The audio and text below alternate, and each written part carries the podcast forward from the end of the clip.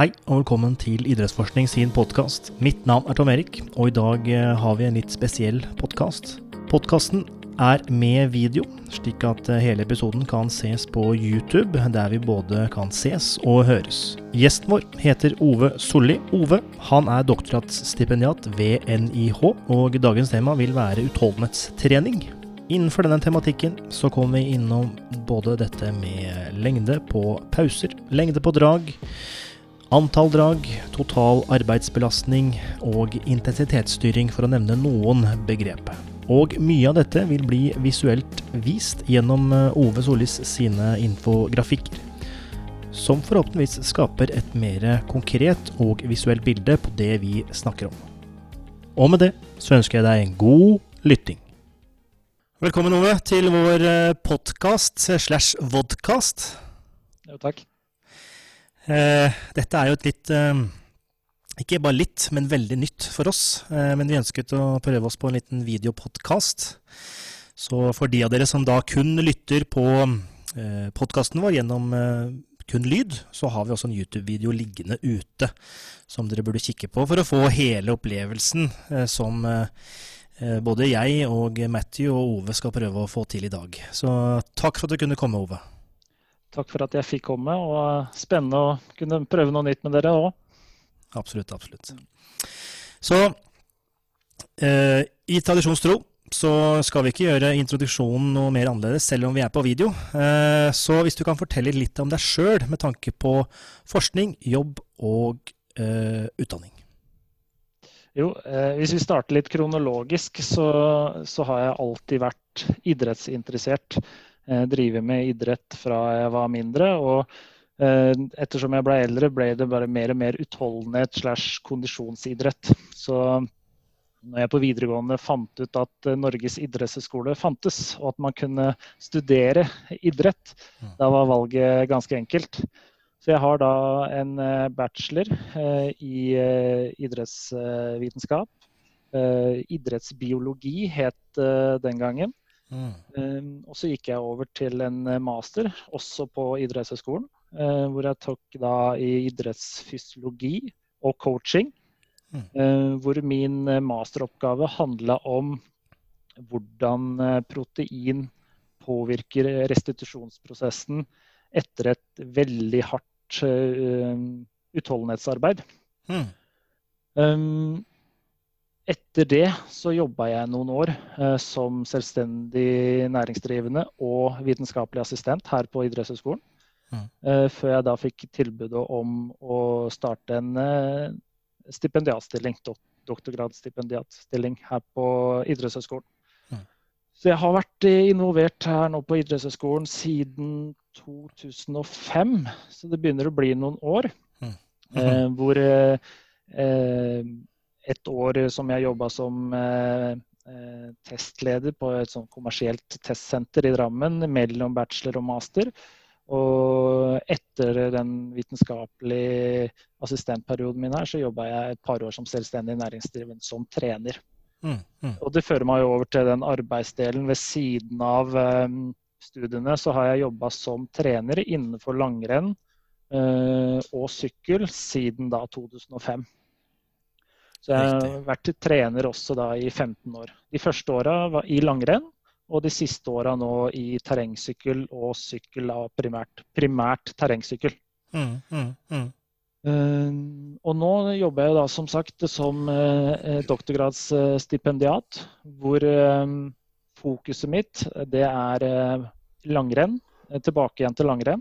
Mm. Jobber med unge utøvere. Hvordan vi prøver å se på sånn litt sånn holistisk eller sånn helhetlig perspektiv på hvordan unge langrennsutøvere kan utvikle seg.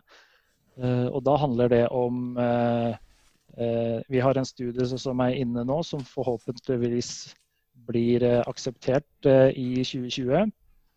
Som handler om pacing, altså hvordan fordele energien gjennom et renn. Hvordan, eh, hvordan, man starter, hvordan man avslutter og dette sett opp i, mot hverandre, sammenligna med eliteutøvere. Ja. Uh, og så skriver jeg nå manuskript også på uh, hvordan lære teknikk, langrennsteknikk, i en gruppesetning. Altså når man er i en klubb og man har en trener, hvordan skal man mest effektivt mulig lære bort teknikk til hele gruppa?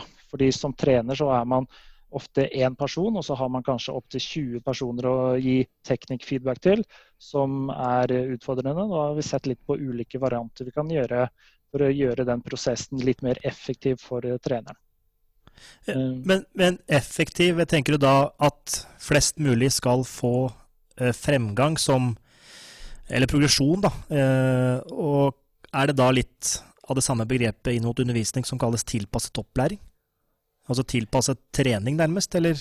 Ja, det er litt Man har noe man har det som i litteraturen kalles training effectiveness. Det er liksom at den treninga man gjør, har faktisk en effekt, og man får en fremgang. Mm. Eh, men så har man også noe som heter training efficiency. Mm. På norsk blir det mer effektivitet. Det vil si ja. at man klarer å gi en slik tilbakemelding til flest mulig utøvere eh, i løpet av en treningsøkt. Så hvis man er én eh, trener, så kanskje mm. man klarer å gi tilbakemelding til fem, seks, sju personer. Mm. Men hvordan kan vi utvikle dette slik at alle på den treningsøkta får en god teknisk tilbakemelding? Ok, interessant. Og har dere funnet ut noe funn, eller er det fortsatt i datasamlings... Datainnsamlinga er ferdig, og jeg sitter nå lange dager og skriver på manuskriptet. Eh, så dette er jo selvfølgelig hysj-hysj og veldig hemmelig, men eh, eh, sånn i sett Det med teknikk er jo utfordrende. Mm. Fordi man kan jo potensielt komme inn i en gruppe med de beste intensjoner, men så kan man faktisk gjøre noen dårligere. Det er jo mm, mm, et problem, fordi man responderer ikke nødvendigvis helt likt på ulike tilnærming på å trene teknikk. Mm. Men det vi gjorde, i hvert fall Vi hadde jo en, flere grupper som enten fikk tilbakemelding fra en kompetent trener, en eksperttrener, på, på teknikken. Eller så var det en gruppe som så seg sjøl på video. Og så ja. var det en gruppe som jobba sammen to og to. To utøvere så på hverandre, ga teknikk tilbakemelding til mm. hverandre. Og så sørga vi for at de hadde med seg sånn, et sånn Q-card, et sånn kort med nøkkelord. Mm. Hva skal du se på på denne økta? Så mm. alle utøverne eh, hadde de samme eh, teknikktipsa å forholde seg til. Eh, så det er liksom kun metoden eh, som er forskjellig. Der ser vi at eh, sånn pararbeid i denne sammenhengen det er kanskje litt for vanskelig for utøverne. Ja. Eh, video det kan, kan, være et godt supplement, men til syvende og sist er det den kompetente treneren. Han, den er viktig. Ok. Så at de antageligvis sånn generelt sett uh, fikk mest, uh, mest, fremgang, da. Så, mm, mm. Men, uh, du sa det kanskje, men hvor gamle var disse utøverne? Dette er 14-åringer 14 er snittalderen. Ok. For jeg har lest, jeg har lest noen lignende jeg har lest noe lignende forskning i volleyball, der de har sammenlignet eh, også fremgang og på en måte eh, hvordan lære bort. Og det er vel også mm, to og to, også medelevtilbakemelding eller veiledning, mm. eh, versus video. Mm. Og da viste det seg at uh, video var bedre, for det blei ofte mer konkret. At teknikken blei mer konkret når du så en video av en eliteutøver som gjør det. Mm. Um, yeah. I've always wondered what the ethics is of this kind of stuff in terms of, like you just saying with that kind of study. What what happens if one if one method is better than the other? Do half the group have they just been disadvantaged? Do you know what I mean? Like, as far as I understand, that's why a lot of stuff in classrooms has not really been done from an ethical perspective. Of say you did a different method for preparing for an exam and half the group had a uh, intervention that basically was the control, but the effect worked. uh, you know what I mean? Does does the participants have a kind of right to say, "Hey, I should have done that as well"? Do you know? Do you know what I mean? Does that make sense? Ja, jeg forstår hva du mener. Uh, I vårt studie så sørga vi for at uh, de Eh, det kun én Vi fordelte det på ulike klubber i Oslo-området. Så én klubb visste ikke hva en annen klubb gjorde, og ingen utøvere liksom snakka så mye sammen om hva de gjorde, fordi de var i to forskjellige klubber. Så vi prøvde å unngå den interference-effekt uh, der. Ja, ja riktig. Mm. Men uh, det er et godt poeng du, du, tar opp i forhold til læring. Fordi vi hadde også en kontrollgruppe. Mm. Og det er flere på den kontrollgruppa som ikke trente teknikk i det hele tatt, mm. hadde samme fremgang som de som trente teknikk. Og da kommer det individuelle forskjeller her. Fordi eh, vi ser jo på gruppenivå. Mm. Men en, for en utøver, utøver, som vil forbedre seg, så er gruppenivå totalt likegyldig. Den utøveren er jo interessert i hva Eh, hva slags tilbakemeldinger er best for meg. Mm, mm. vi har en veldig stor spredning innad i de forskjellige gruppene. Og det gjør det utfordrende å, øh, å si noe sånn bastant om hva som er best. Uh, vi får noen indikasjoner. Som trener så vil man, man gjerne at gruppa som totalt skal forbedre seg, så da kanskje man må velge metoder som ser ut til å fungere best på gruppe. Men igjen så må man ta hensyn til den individuelle utøveren, og kanskje justere litt, da. Så det er litt sånn, litt sånn vanskelig forskningsfelt, uh, syns jeg. Mm, mm, mm. Men fant dere noe på en måte litt sånn differensierte funn mellom Var dere jenter og gutter, eller kun det ene kjønnet? Like mange av begge. Men var det noe forskjell i at jenter prefererte det ene fremfor det andre versus gutta, eller er det noe de som var høye, eller de som var hadde den BMI-en, eller jeg vet ikke hvor mange parametere det har med, men var det noe forskjell der? Uh, Ut ifra våre data så fant vi ikke noe mer, mellom de, de, ulike parameterne du sier, nei. nei, nei uh, og forskning også har vel antyda så vidt at det er ikke noe forskjell mellom kjønn i ganske mange læringssituasjoner. Men denne forskninga, type forskning er også det er altså, Som du nevnte volleyball. Eh, det som fungerer på volleyball, fungerer ikke nødvendigvis på langrenn mm. kontra det som fungerer i fotball osv. Så, videre. så det er litt sånn eh, mm. litt forskjellig eh, der, da. Mm. Interessant. Eh, tror du når de, disse funnene blir publisert, og eh, din doktorgrad får altså, alle studiene i seg, og du kommer frem med et sammendrag, tror du det, de funnene kan ha en overføringsverdi til andre felt? Og da tenker jeg ikke bare på andre idretter, men også andre altså til undervisning. da. For du ønsker jo også å gi tilbakemelding i undervisning til så, så mange som mulig. Mm. Og kan disse funnene ha en overføringsverdi til det feltet, tror du? Ja, Den artikkelen vi nettopp har prata om, det, den prøver vi å vende om til at det skal gjelde komplekse bevegelser. Eh, og det vil mm. si eh, bevegelse som inkluderer store deler av kroppen. En kompleks bevegelse kan være et uh, fotballspark. Det er mange, mm. mange både bein og armer og posisjon og sånt som betyr noe. Uh, mens mye av tidligere forskning er gjort på uh, sånne enkle bevegelser man har gjort i lab, da, som ikke er så relevante for en idrettsprestasjon. Mm. så det er klart at den studien vi har gjort der, vil jo være veldig relevant for langrenn. Men jeg ser eh, også at eh, den absolutt er relevant for andre mer sånn komplekse bevegelser. Da.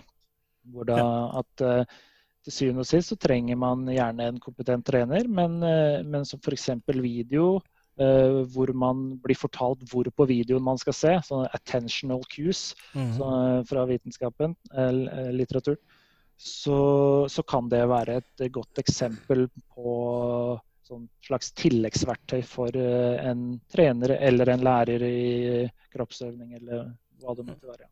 Ja, ja, ja. So we need two microphones next time, don't we?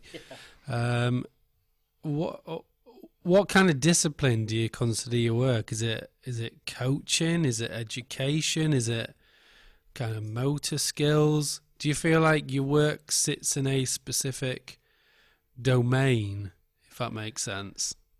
Uh, jeg og min veileder Thomas Losnegård, uh, vi har diskutert dette flere ganger. Og når man disputerer, uh, og skal forsvare en doktorgrad, så har man jo ofte to, to personer man skal forsvare doktorgraden ovenfor. Men mitt problem er vel kanskje at jeg trenger flere. fordi det studiet jeg ikke har fortalt om, som jeg skal skrive på fra nyttår, det handler om biomekanikk. Så det handler om da hvordan, eh, hva som skjer. Disse som har trent og øvd. Hva skjer med de kinematiske dataene, altså de bevegelsesløsningene? Hva slags bevegelsesløsninger har forandra seg? Så Den første som vi har snakka om, ser vi mer på eh, prestasjon. Og så går vi over til mer sånn bevegelsesløsninger. Så min doktorgrad da handler jo da om eh, coaching og motorisk læring, som du nevnte. Eh, det handler om fysiologi, og det handler om biomekanikk. Og så har jeg en del data også på litt sånn mer kognitive funksjoner som vi tenker å, å prøve å publisere, som nødvendigvis ikke skal være en del av min doktorgrad. Så jeg er litt sånn eh, over i forskjellige grener her. Eh, hvor jeg er nok mest komfortabel og sterkest på den fysiologidelen. Eh, og det mer sånn spesifikke fysiologidelen rettet mot langrenn og den type idretter. da. Eh, men det er klart, skal man forsvare en doktorgrad, så må man være, ha god kontroll på de andre eh, emnene også. So, how much out of your comfort zone do you think you've been if you if you kind of think you're if you recognise yourself as a mainly a physiology dude, how uh, what percent out of your comfort zone have you gone then for your PhD? Uh, sånn komfortsonemessig så tror jeg nok jeg kommer til å være litt ute av den når jeg skal forsvare. Uh, foreløpig så er det jo ganske trygg, trygg, setting å lese seg opp på ulike felt, men å forsvare ulike felt er jo noe annet. Eh, men det er klart, eh, når man kommer til motivasjonsteorier, som jeg normalt sett ikke har vært så sterk i, så ja, om det, det, er godt over 30 forskjellige motivasjonsteorier ute og går, hvor, hvor, hvor jeg, jeg, kommer ikke til å lære meg alle de. Men det er liksom, bredden på feltet her er ganske stor, og det er helt klart helt klart en utfordring. Da. Min første artikkel handler jo mer om pacing og fysiologi. Eh, neste artikkel handler om motorisk læring. Så du kan ikke basere det du har gjort på første artikkelen til den andre. du, må, du, må, tenke helt nytt. Og jeg må også tenke helt nytt til den tredje artikkelen. Så da tar det også litt eh, lengre tid å jobbe med de artiklene. Da. I, I, like it. I like this. Is that the right word? Tversfagli. Yeah. Mm. I like this stuff. Um, I don't think there's enough of it. Mm. My question is, do you feel like you've kind of done bits of lots of disciplines? Do you think maybe you've done that because, or you've recognised the need for that because of your own practical experience of a of a coach, if you see what I mean? Mm. Det er nettopp uh, både jeg og min veileder har litt samme tankegang. Eh, Thomas han eh, er også en fysiologikar. Eh, men vi, vi, har, vi, har, hatt Gjennom mange år så har vi hatt folk inne på laben. Okay, vi har testa noe fysiologi, men vi ser jo at det er så mye mer som avgjør. Teknikk, mentale skills, ferdigheter. Så det er som du sier, det holistiske, denne helheten, er så avgjørende for en prestasjon. Så prøver, vi ønsker å prøve å fange litt opp eh, helheten for da, i dette tilfellet unge langrennsløpere. Og, og, og, hvordan utvikle prestasjonen prestasjon, prestasjon deres gjennom både da eh, Eh, litt sånn fysiologi. Hva kan de gjøre? Hvordan kan de trene? Um, hvordan kan de lære teknikk? Og hva er bra teknikk? Så vi prøver å samle det. da, Og så ser vi begrensningene, selvfølgelig. Vi kan ikke samle alt, men vi prøver å få noen flere perspektiver på uh, prestasjon da, for disse utøverne. I've got so many questions. Sorry, Tom. Um, my limited experience over here and kind of stuff I knew, I suppose, about Norway and Scandinavia in general before I moved over was how much of the, this part of the world's contributed to our understanding of sports science, mainly physiology. And some of my kind of impression is that people like their disciplines, they like their boxes and their subjects. Mm. So, how do you feel like your work fits in? I suppose the broader sports science coaching culture over here. I know that's that's a pretty deep question, but I hope that make makes sense. Uh, do, yeah. do you fit? Do, I suppose is a question is the simplest way of uh, asking it. Do you feel like you fit in the same mold as some of the other kind of um, stipendia and other research areas? Um, jeg har nok satt meg Jeg har jo satt meg i en litt kinkig situasjon ved at uh, jeg skal um, Jeg blir ikke så god ekspert på et lite område, men jeg sprer meg litt mer. Um, og det, I noen sammenhenger kan jo det være en utfordring, men uh, gjennom til flere år jeg har jobba teoretisk uh, og faglig og jobba med utøvere, så syns jeg at det, det, viktigere blir denne helhetlige tankegangen om hvordan utvikle prestasjon. Og Derfor så kan man si at jeg har satt meg i en sånn mer sånn praktisk tilnærming til idretten, eh, hvis man kan kalle det en eh, type bås. Men, eh, så det er liksom applied-delen. Det er det som virkelig interesserer meg. Og så nødvendigvis, om jeg ikke er ekspert på alle områder, så får jeg en ganske god oversikt over hva som kjennetegner en god prestasjon. Og det, det, det trives jeg med, og det, det, sitter jeg komfortabelt i.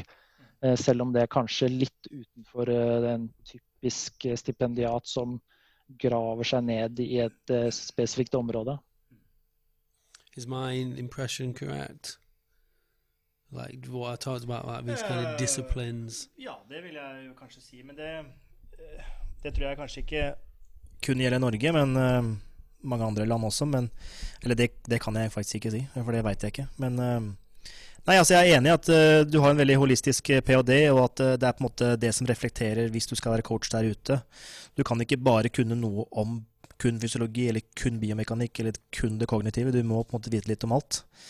så jeg syns jo det er en ganske god tankegang. og jo mer jeg tenker over det, jo mer logisk, eller jo mer mening uh, er det. Og så tenker jeg sånn De andre ph.d.-ene der ute i Norge, eh, gjør de det samme? Altså, eller er det mer, mer sånn reduksjon, reduksjonistisk tankegang om at jeg skal uh, uh, grave meg ned i fysiologien eller en, psykologien eller Jeg, vet, jeg har ikke Eller veit du det? Altså, er det en dreining mot mer holistiske ph.d.-er, eller er det det mer tradisjonelle eh, Hva skal jeg si Dualisme, eller Kan ikke dra inn det nå, men ja. Enkeltdeler. Jeg er nok litt uh, samme som dere, at det, det, har jeg ikke oversikt over. Men jeg, mm. jeg veit jo hva de andre på, her på huset gjør, og det er jo stort sett man graver seg litt dypere inn i et område.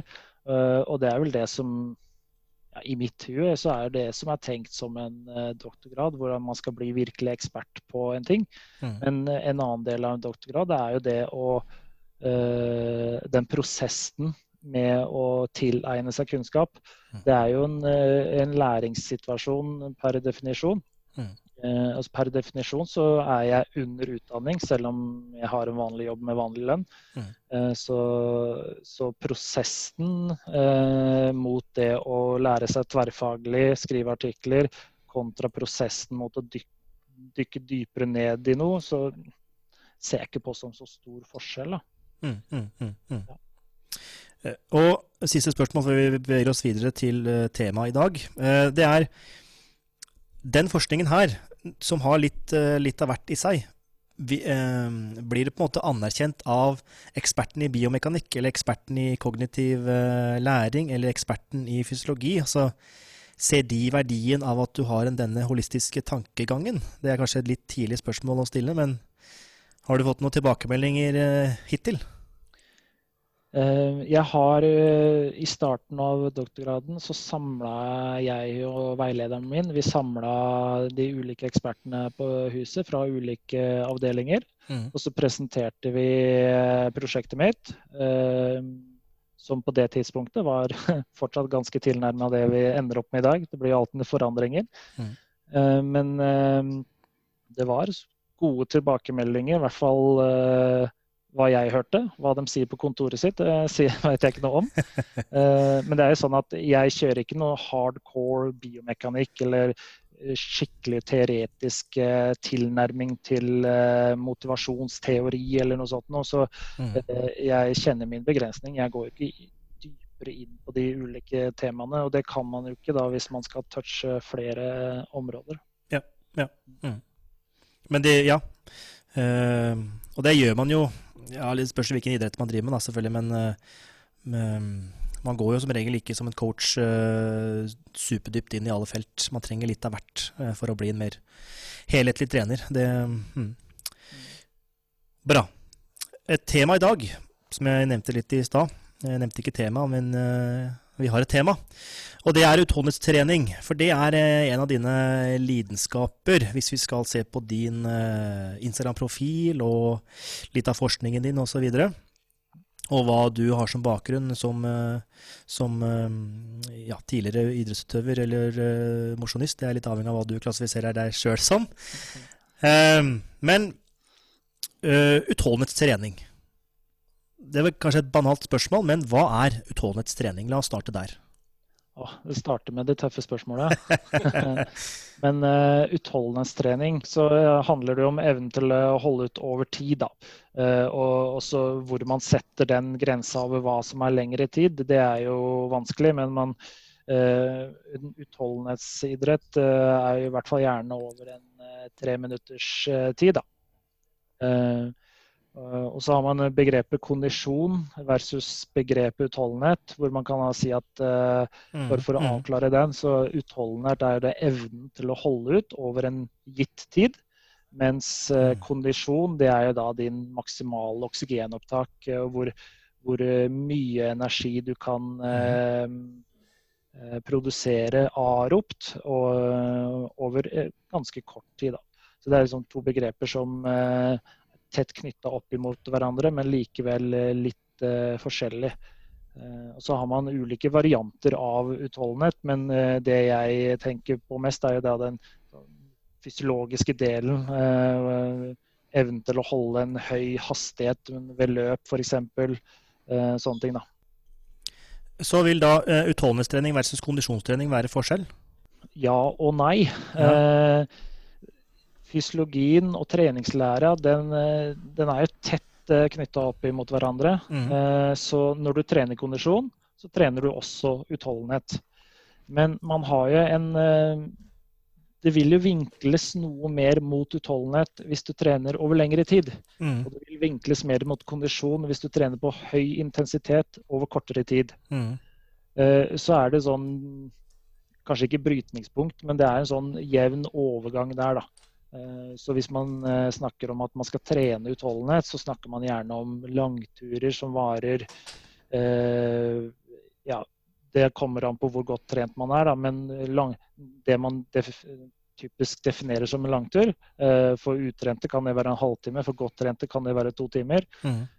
Og intervalltrening som, hvor man har drag som varer gjerne sånn åtte, ni, ti pluss minutter. da mens kondisjonstrening er gjerne høy intensitet eh, over en total varighet av kanskje opp mot 30 minutter.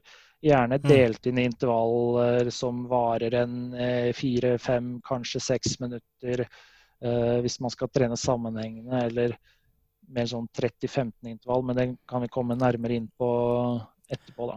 Så kondisjonstrening er ikke det samme som anaerob utholdenhetstrening? Det er jo et godt poeng. Og det, nei, det er det ikke. Uh, med kondisjonstrening så uh, trener man opp evnen til å uh, holde en høy intensitet gjennom arob, mm. arobe prosesser. Mm. Mens når man kommer opp i anarobe prosesser hvor man da ikke får nok luft, så, så handler det om litt, litt annen trening. Ja. Mm, mm, mm. Men igjen, kondisjonstrening. Du vil alltid ha anarobe prosesser når du trener eh, kondisjon. Ja. Fordi hvis du gjør en intervall som varer fire-fem minutter, så har det sikkert de fleste kjent at den begynner å stivne litt mot slutten av draget. Og det er fordi man er opp igjen, eh, man har anarobe prosesser som eh, bidrar til den energien du trenger. Så Mm, mm. igjen så er det sånn glidende overganger her mellom de ulike begrepene. Mm. Eh, men du er jo også eh, lærer i treningslære på NIH, ikke sant?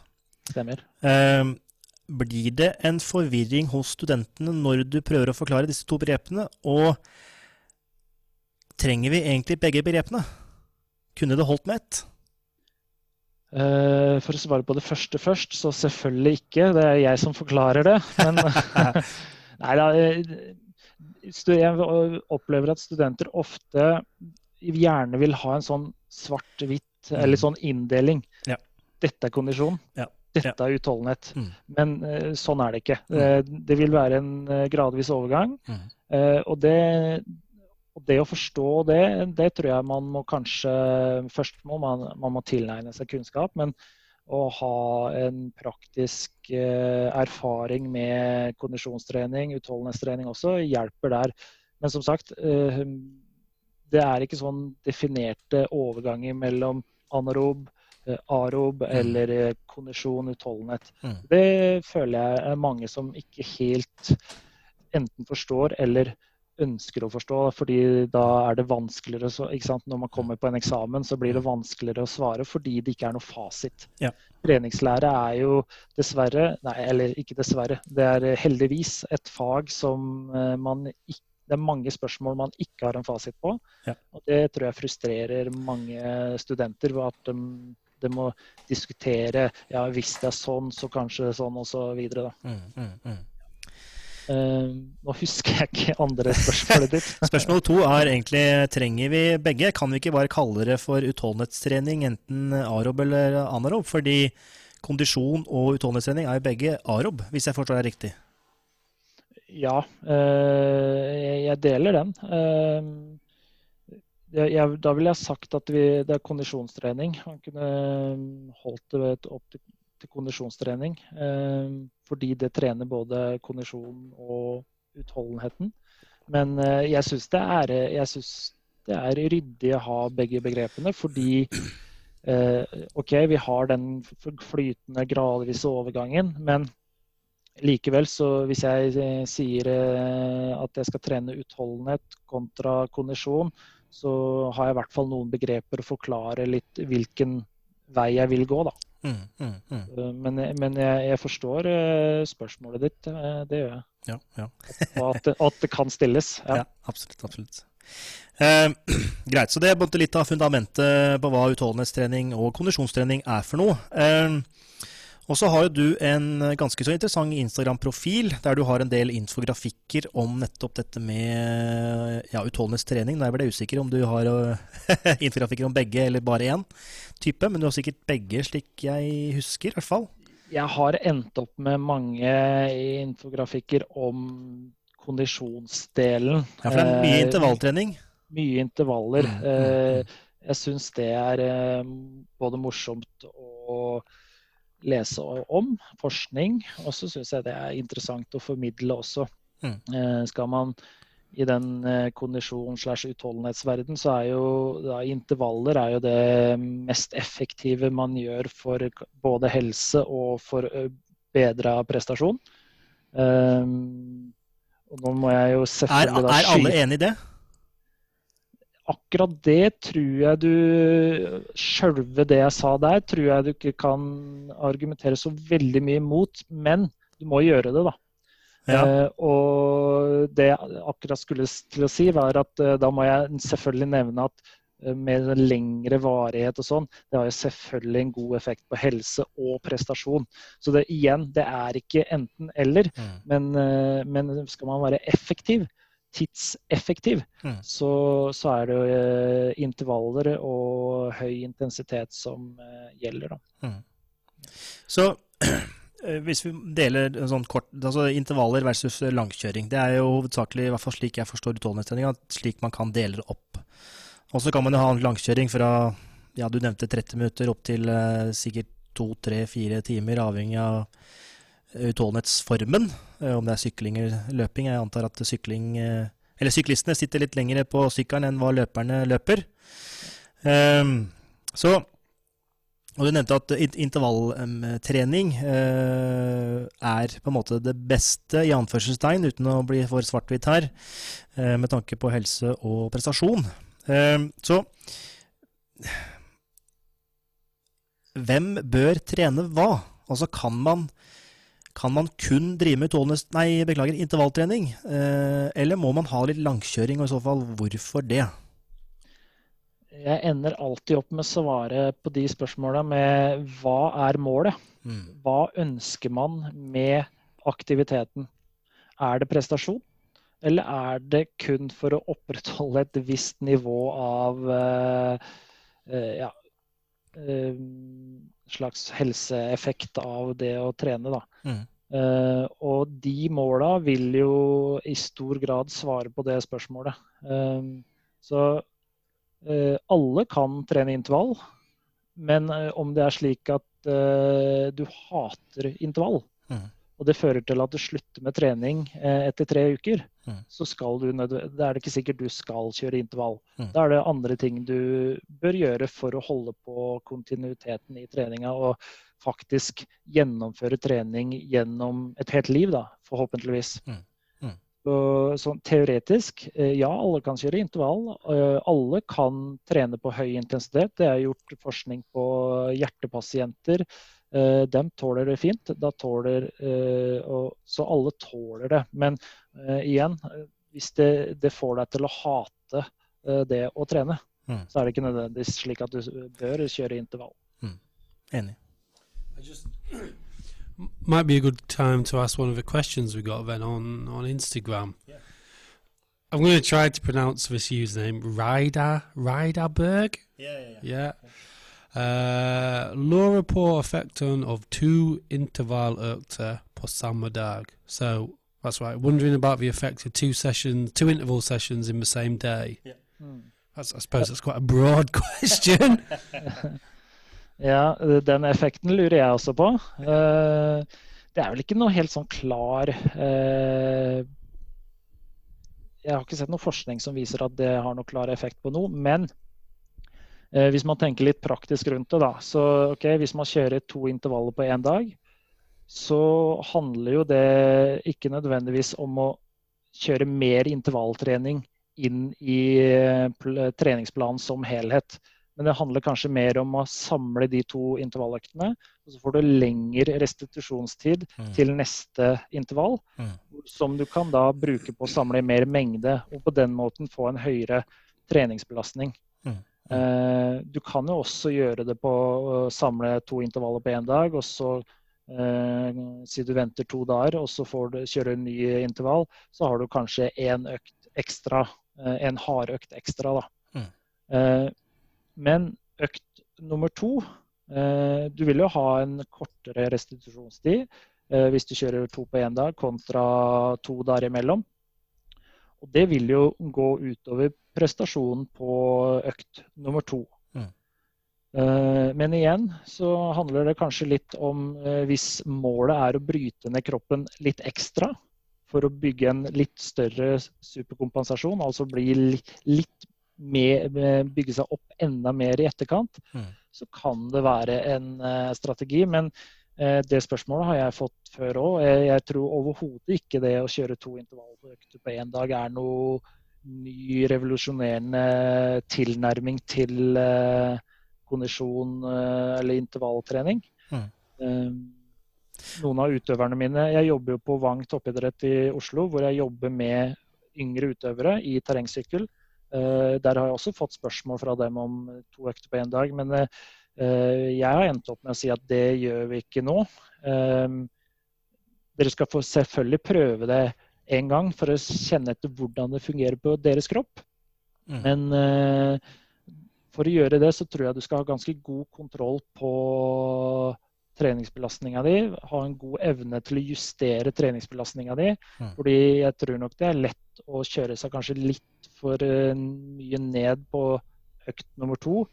Og da igjen starte uh, den treningsarbeidet i etterkant enten for tidlig eller gjøre det for hardt. Da. Så du skal være ganske god på intensitetsstyring og, og kontrollere den treningsbelastninga. Mm. Jeg, for å oppsummere der, så tror jeg det er ikke noe ekstra effekt av det, annet enn at du bryter ned kroppen litt mer. Og hvis du er veldig god eh, i etterkant, så kan det kanskje ha noen effekter i, i noen tilfeller. Og hvis du skal opprettholde kvaliteten på begge økter, eh, hvor mange timer bør det være mellom hver økt? Det er sikkert, Svaret er sikkert så mange timer som mulig, men er det et eh, Jeg har undervist litt i kombinasjonstrening eller concurrent training. Der er jo eh, ca. seks til åtte timer som er optimalt mellom styrke og utholdenhet. Er det litt det samme her? Ja, det vil jeg si.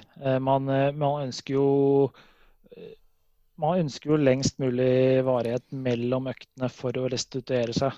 Mm. Eh, men så må man jo også se det opp imot hva skjer neste dag. Hvis du da mm. trener, mm. og hva skjer på natta. Hvis du trener seint på kvelden og så får du ikke sove så godt, eh, mm. så, eh, og så skal du kjøre en morgentreningsøkt dagen etterpå, da begynner det å balle på seg. da. Ja. Så man må finne en balansegang. Mm. Og det jeg ikke sa i stad, var jo at du må være også veldig god til intensitetsstyring på også første økta. Mm. Fordi hvis du kjører kanskje en normal Eh, intensitet og, og, en normal varighet, hvor du liksom kjører, deg, kjører skikkelig på førsteøkta, da vil du kanskje på andre økta bryte deg enda mer ned enn det du vurderer da om um,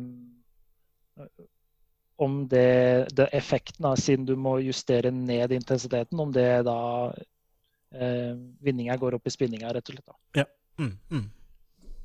Another another question he kind of answered just now, but Jak- Jakub Sartre, is that the best way to say it? Asks, uh, I can't even read this in Norway. Yeah, I can. Varihet of ökter både langtur och harder. Vad blir för långt? I assume that means variation of sessions, both kind of distance and difficulty. No. Is uh, that right? Variet means... Uh, duration. Oh yeah, duration. Yeah, vari- yeah. No, yeah, not variation. So duration of the session, both distance and difficulty, right? Is that what you're saying? No, it's just um, Ja, varighet av økter, både langtur og hare. Jeg vet ikke hva han legger i hare, om det er langtur og intervall. Men hva blir for langt? Og da antar jeg også hva blir for langt eh, ja. med tanke på langtur. Ja, hvor langt er et tau? Ja, how long is a piece of string? ja. Eh, det kommer jo helt an på, da. Mm. Er du relativt utrent, så er en langtur eh, kan være en eh, halvtime. Mm. Er du godt trent syklist, så kan en typisk langtur være fire timer. Uten at det blir for langt. Men det, intensitet og varighet uh, hører jo veldig tett sammen. Altså, med en gang du går litt opp på intensitet, så må jo varigheten ned for å få samme treningsbelastning. Mm. Uh, så, så, langtur det er, det er, veldig individuelt, og det blir litt det samme med intervall. Uh, man, man, men er man relativt utrent, sånn som den klassiske fire ganger fire minutters intervallet man har hørt forskning om, mm. det er jo da 16 minutter, og det er gjort på helt utrente. Mm. Eh, så er det andre studier også som tyder på at man bør jo altså Hvis man setter et tall på rundt 12-13-14 eh, minutter, så er nok det et minimum av tid på en høy intensitet man bør oppnå i løpet av en økt. Mm. Og så vil jo det tallet øke etter hvert som eh, treningsstatusen øker. Eh, men så handler det også om intensitet. Hva er målet med økta? Ønsker man å ligge på en intensitet mer nærme sånn terskelintensitet, så bør jo varigheten øke. Men hvis man ønsker å ligge på en høyere intensitet, som er mer sånn kondisjonsintensitet, uh, uh, mm. så vil jo varigheten gå ned. Uh, så jeg ville sagt da, si minimum på sånn høyintensivt på sånn 12 pluss minutter. Uh, opp til uh, Det er veldig få som får noe særlig mer effekt av mer enn 30 minutter. Uh, for da, hvis du går lenger enn det, så går jo intensiteten ned. Mm. Um, så ligger man noe imellom der, da. Og hvis man vil ha sånn terskeltype trening, så, så bør man jo kanskje alt fra 20 minutter og opp til eh, times eh, tid pluss. Mm. Så det er ganske store, store spektre her, da, som hva, hva, som er Burde den terskeltreninga reflektere konkurransevarighet? Ja, til en viss grad. Det, det syns jeg. Ja. Um, I terrengsykkel f.eks. Så, så sykler man gjerne 1.20-1.30 mm. uh, i konkurranser.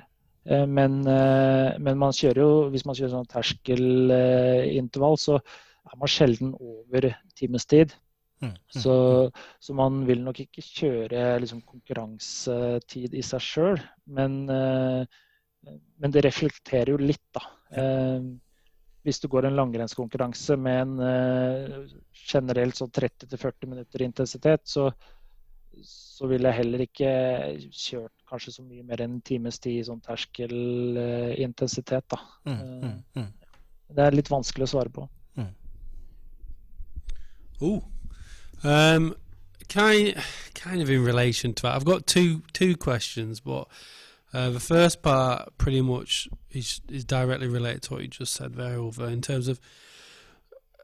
I mean, I don't know. I don't know how you do it, but do you prescribe a distance for an interval or a period of time, or do you mix it up? Does that depend on who you're working with? um, or do you, do you do both? I, me personally, I can't do intervals based on time. I'll just jog. But if I can see an end point, like a 200 meters, I'm, I think I'm more likely to perform a rep to a better standard. Almost like this idea of going through a finish line. So, for example, if I'm doing 600 meters, I want to aim for, I don't know, between one minute 50 and 2 minutes 10 for multiple reps. Um, so what happened there? But if I try to do that as just a duration of time, just like I don't know, randomly around a street, I think I'd just, I think I'd lose my mind. So how how do you typically program it or prescribe it during training? Jeg lager alltid programmer basert på tid. Uh, fordi jeg veit at Eh, man kan styre intensiteten veldig godt med tid. Tid i seg sjøl er faktisk et undervurdert eh, verktøy for intensitetskontroll. Uh, hvor jeg da veit at uh, det kombinert med opplevd anstrengelse, så kan jeg veldig lett styre intensiteten til de jeg lager program for.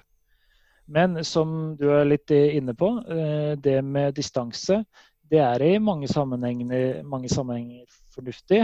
Eh, spesielt f.eks. løping på bane, hvor man, det er flatt underlag. Man, eh, man, det er veldig lett å måle distanse. Eh, med en gang det blir mer kupert terreng, så er det, da, da er det veldig vanskelig basert på distanse. Eh, skal du løpe 500 meter kupert kontra 500 meter flatt, så er det totalt forskjellig tid. Men hvis jeg sier at du skal løpe i fem minutter, så er det likt uavhengig av terrenget.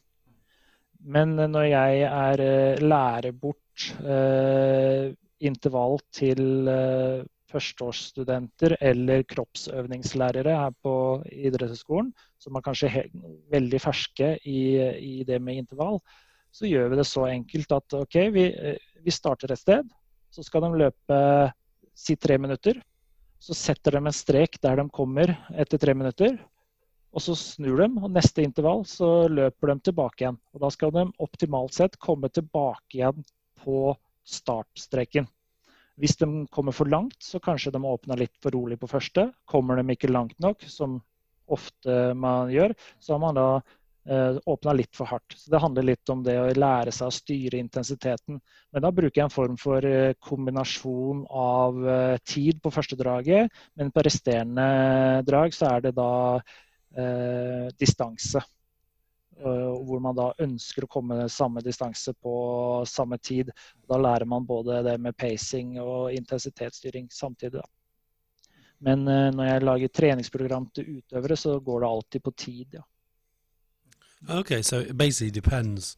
Um, I've, basically, I've been reading a lot about this at the moment. I've been reading, what's the name of a book? The Science of High Intensity Interval Training with Paul Lars, Larson, Lawson, yeah.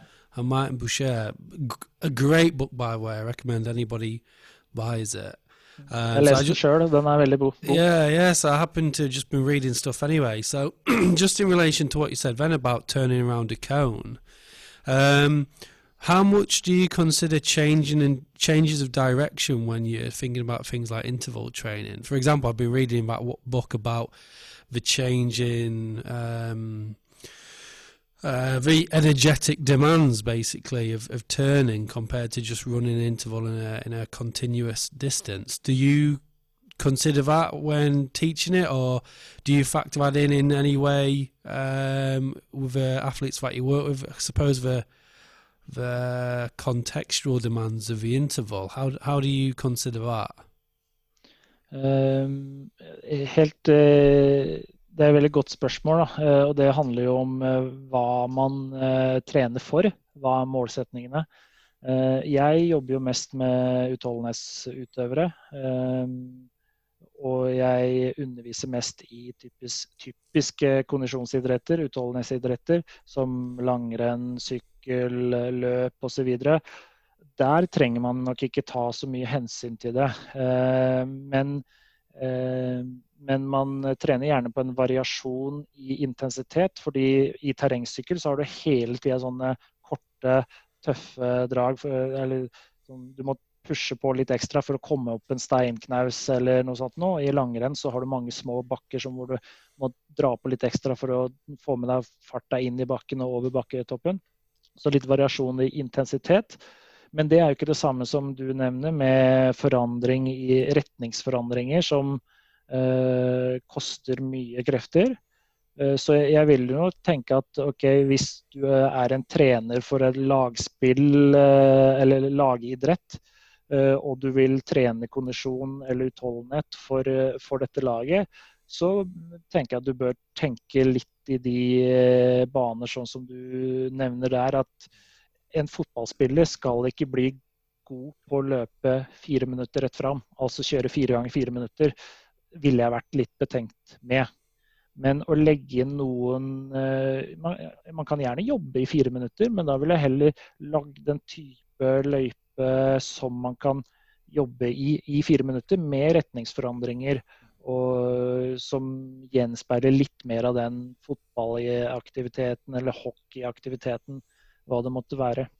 Men da må man også være obs på at eh, man skal være forsiktig med f.eks. Bruk av puls. Eh, vi snakker jo om i, i, Hvis man skal trene kondisjon i en sånn typisk kondisjonsidrett, så ønsker man gjerne ligge, ha en høy tid på over 90% av makspuls. Men med retningsforandringer, start og stopp, vil ikke den pulsen nødvendigvis reflektere det intensitetsnivået du har. Så da kommer vi igjen tilbake til intensitetsstyring. Hva skal man bruke? Eh, og jeg, da ender jeg alltid opp på at okay, opplevd anstrengelse er et uh, godt verktøy. Uh, også det å klare å fullføre intervallen, rett og slett. Ok, Du sier til utøverne vi skal holde på i fire minutter. Det skal vi gjøre fire ganger. Da må du klare å holde på uh, den intensiteten da, i totalt 16 minutter.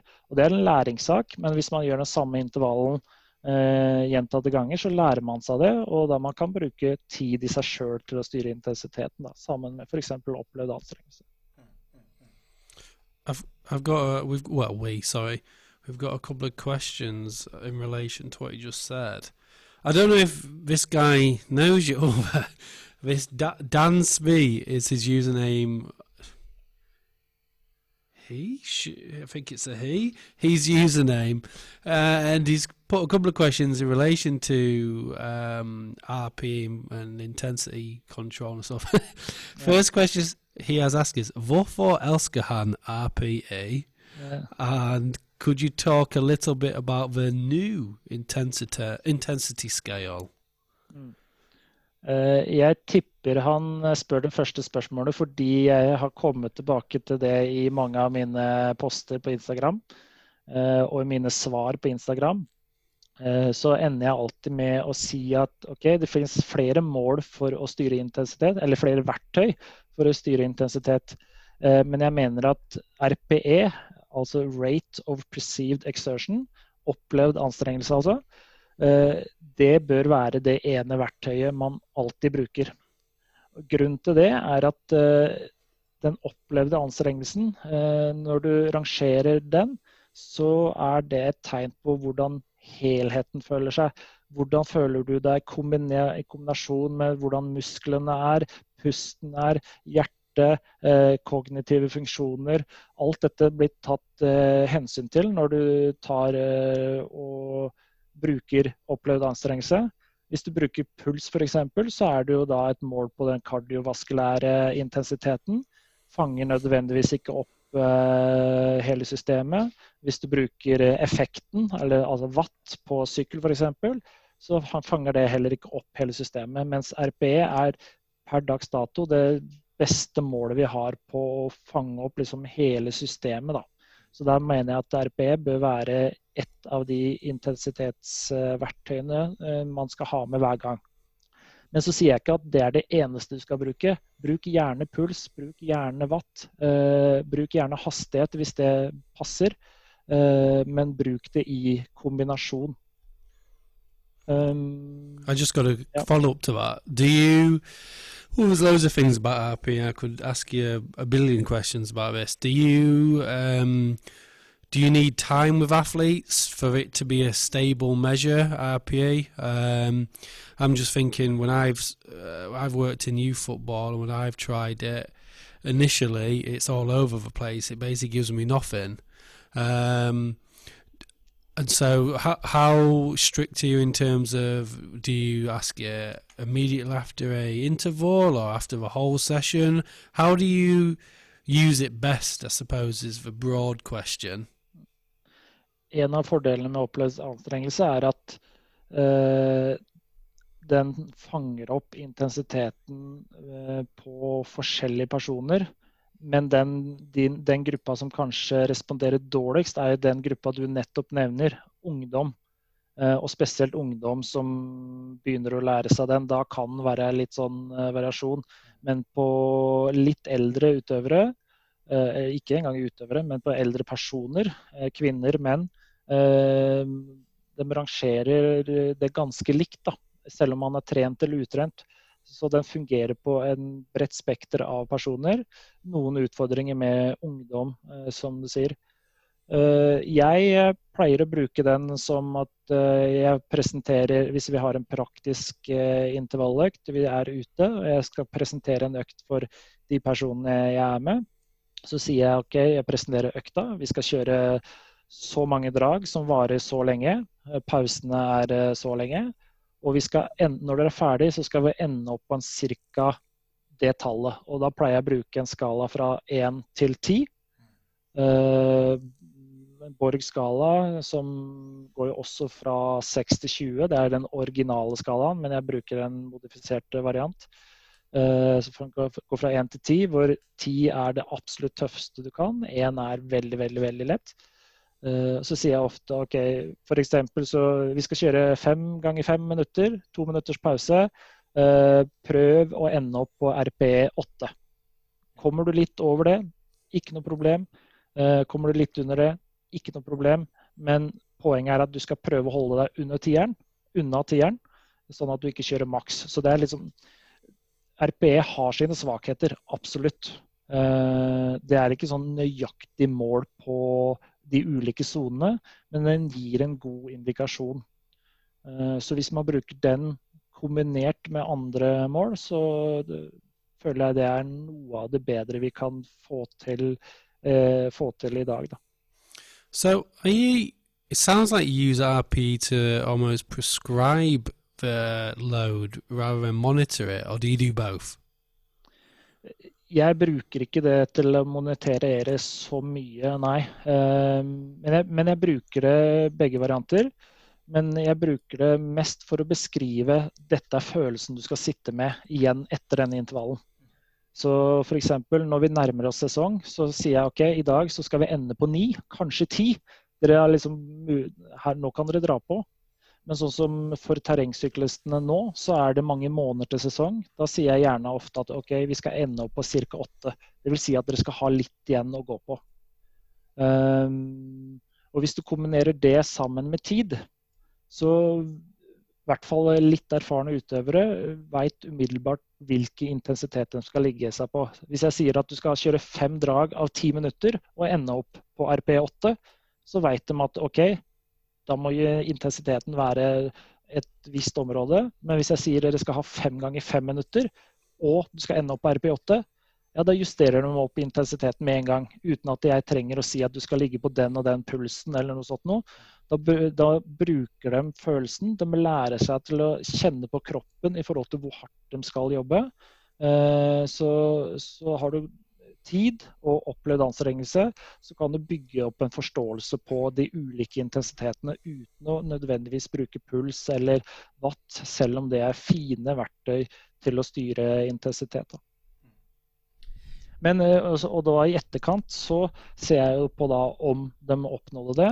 Og så har jeg Jeg bruker ikke den eh, RP1 aktivt til å monitere treningsbelastning, men jeg har en sånn viss oversikt over at de skal skrive inn i treningsdagboka så skal alle skrive inn hvor de endte opp på den økta, om det var en 7, 8, 9 eller og, og langtur om det var 3 eller 4. fordi da kan jeg Eh, se om at i mitt hode så skal en langtur på tre timer da, på lav intensitet Den skal ikke være høyere enn tre-fire, men hvis en utøver skriver f.eks. fem, så kan jeg snakke med den utøveren, og så kan vi få en felles forståelse at OK, kanskje denne langturen var en litt høy intensitet, kanskje vi har misforstått hverandre. Så mm. har man noe, i hvert fall noe å forholde seg til. da.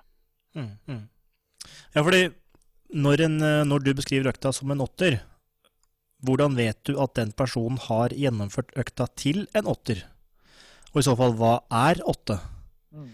Og, um, fordi noen kan jo kanskje oppleve økta som um, at du ligger La oss si, hvis vi sammenligner med sone, at du ligger noen opplever kanskje sone fire som en åtter, mens andre opplever sone fire som en nier. Mm. Og Går det, går det, seg til etter hvert når man blir kjent med hverandre, og kommunikasjonen og forståelsen av hverandre blir bedre?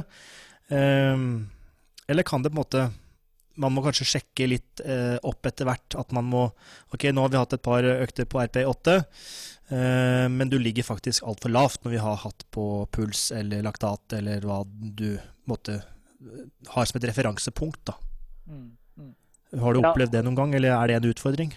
Ja, jeg føler du egentlig oppsummerer alle utfordringene med RP i spørsmålet ditt. Ja. Og det er akkurat de tinga man må ta tak i også. RPE har, RPE har sine svakheter. Mm. Og Det er derfor man eh, knytter på andre verktøy i tillegg. Så kan man da, akkurat som du sier, gå inn i etterkant, se på puls, se på watt uh, osv. Så, videre.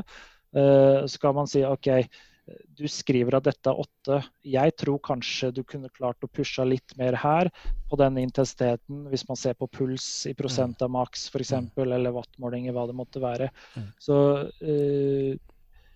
det er en læringsprosess. Ja. Uh, og, og, hvis man som trener skal bruke det mot utøvere, så er det også en kommunikasjonsprosess. Man må, uh, man må både formidle hva man mener, mm. men også det å kjenne hverandre og kjenne hverandre, følelser og hvordan det påvirker intensiteten. Mm. For å få med deg resten av denne podkasten, kikk på del to av denne episoden.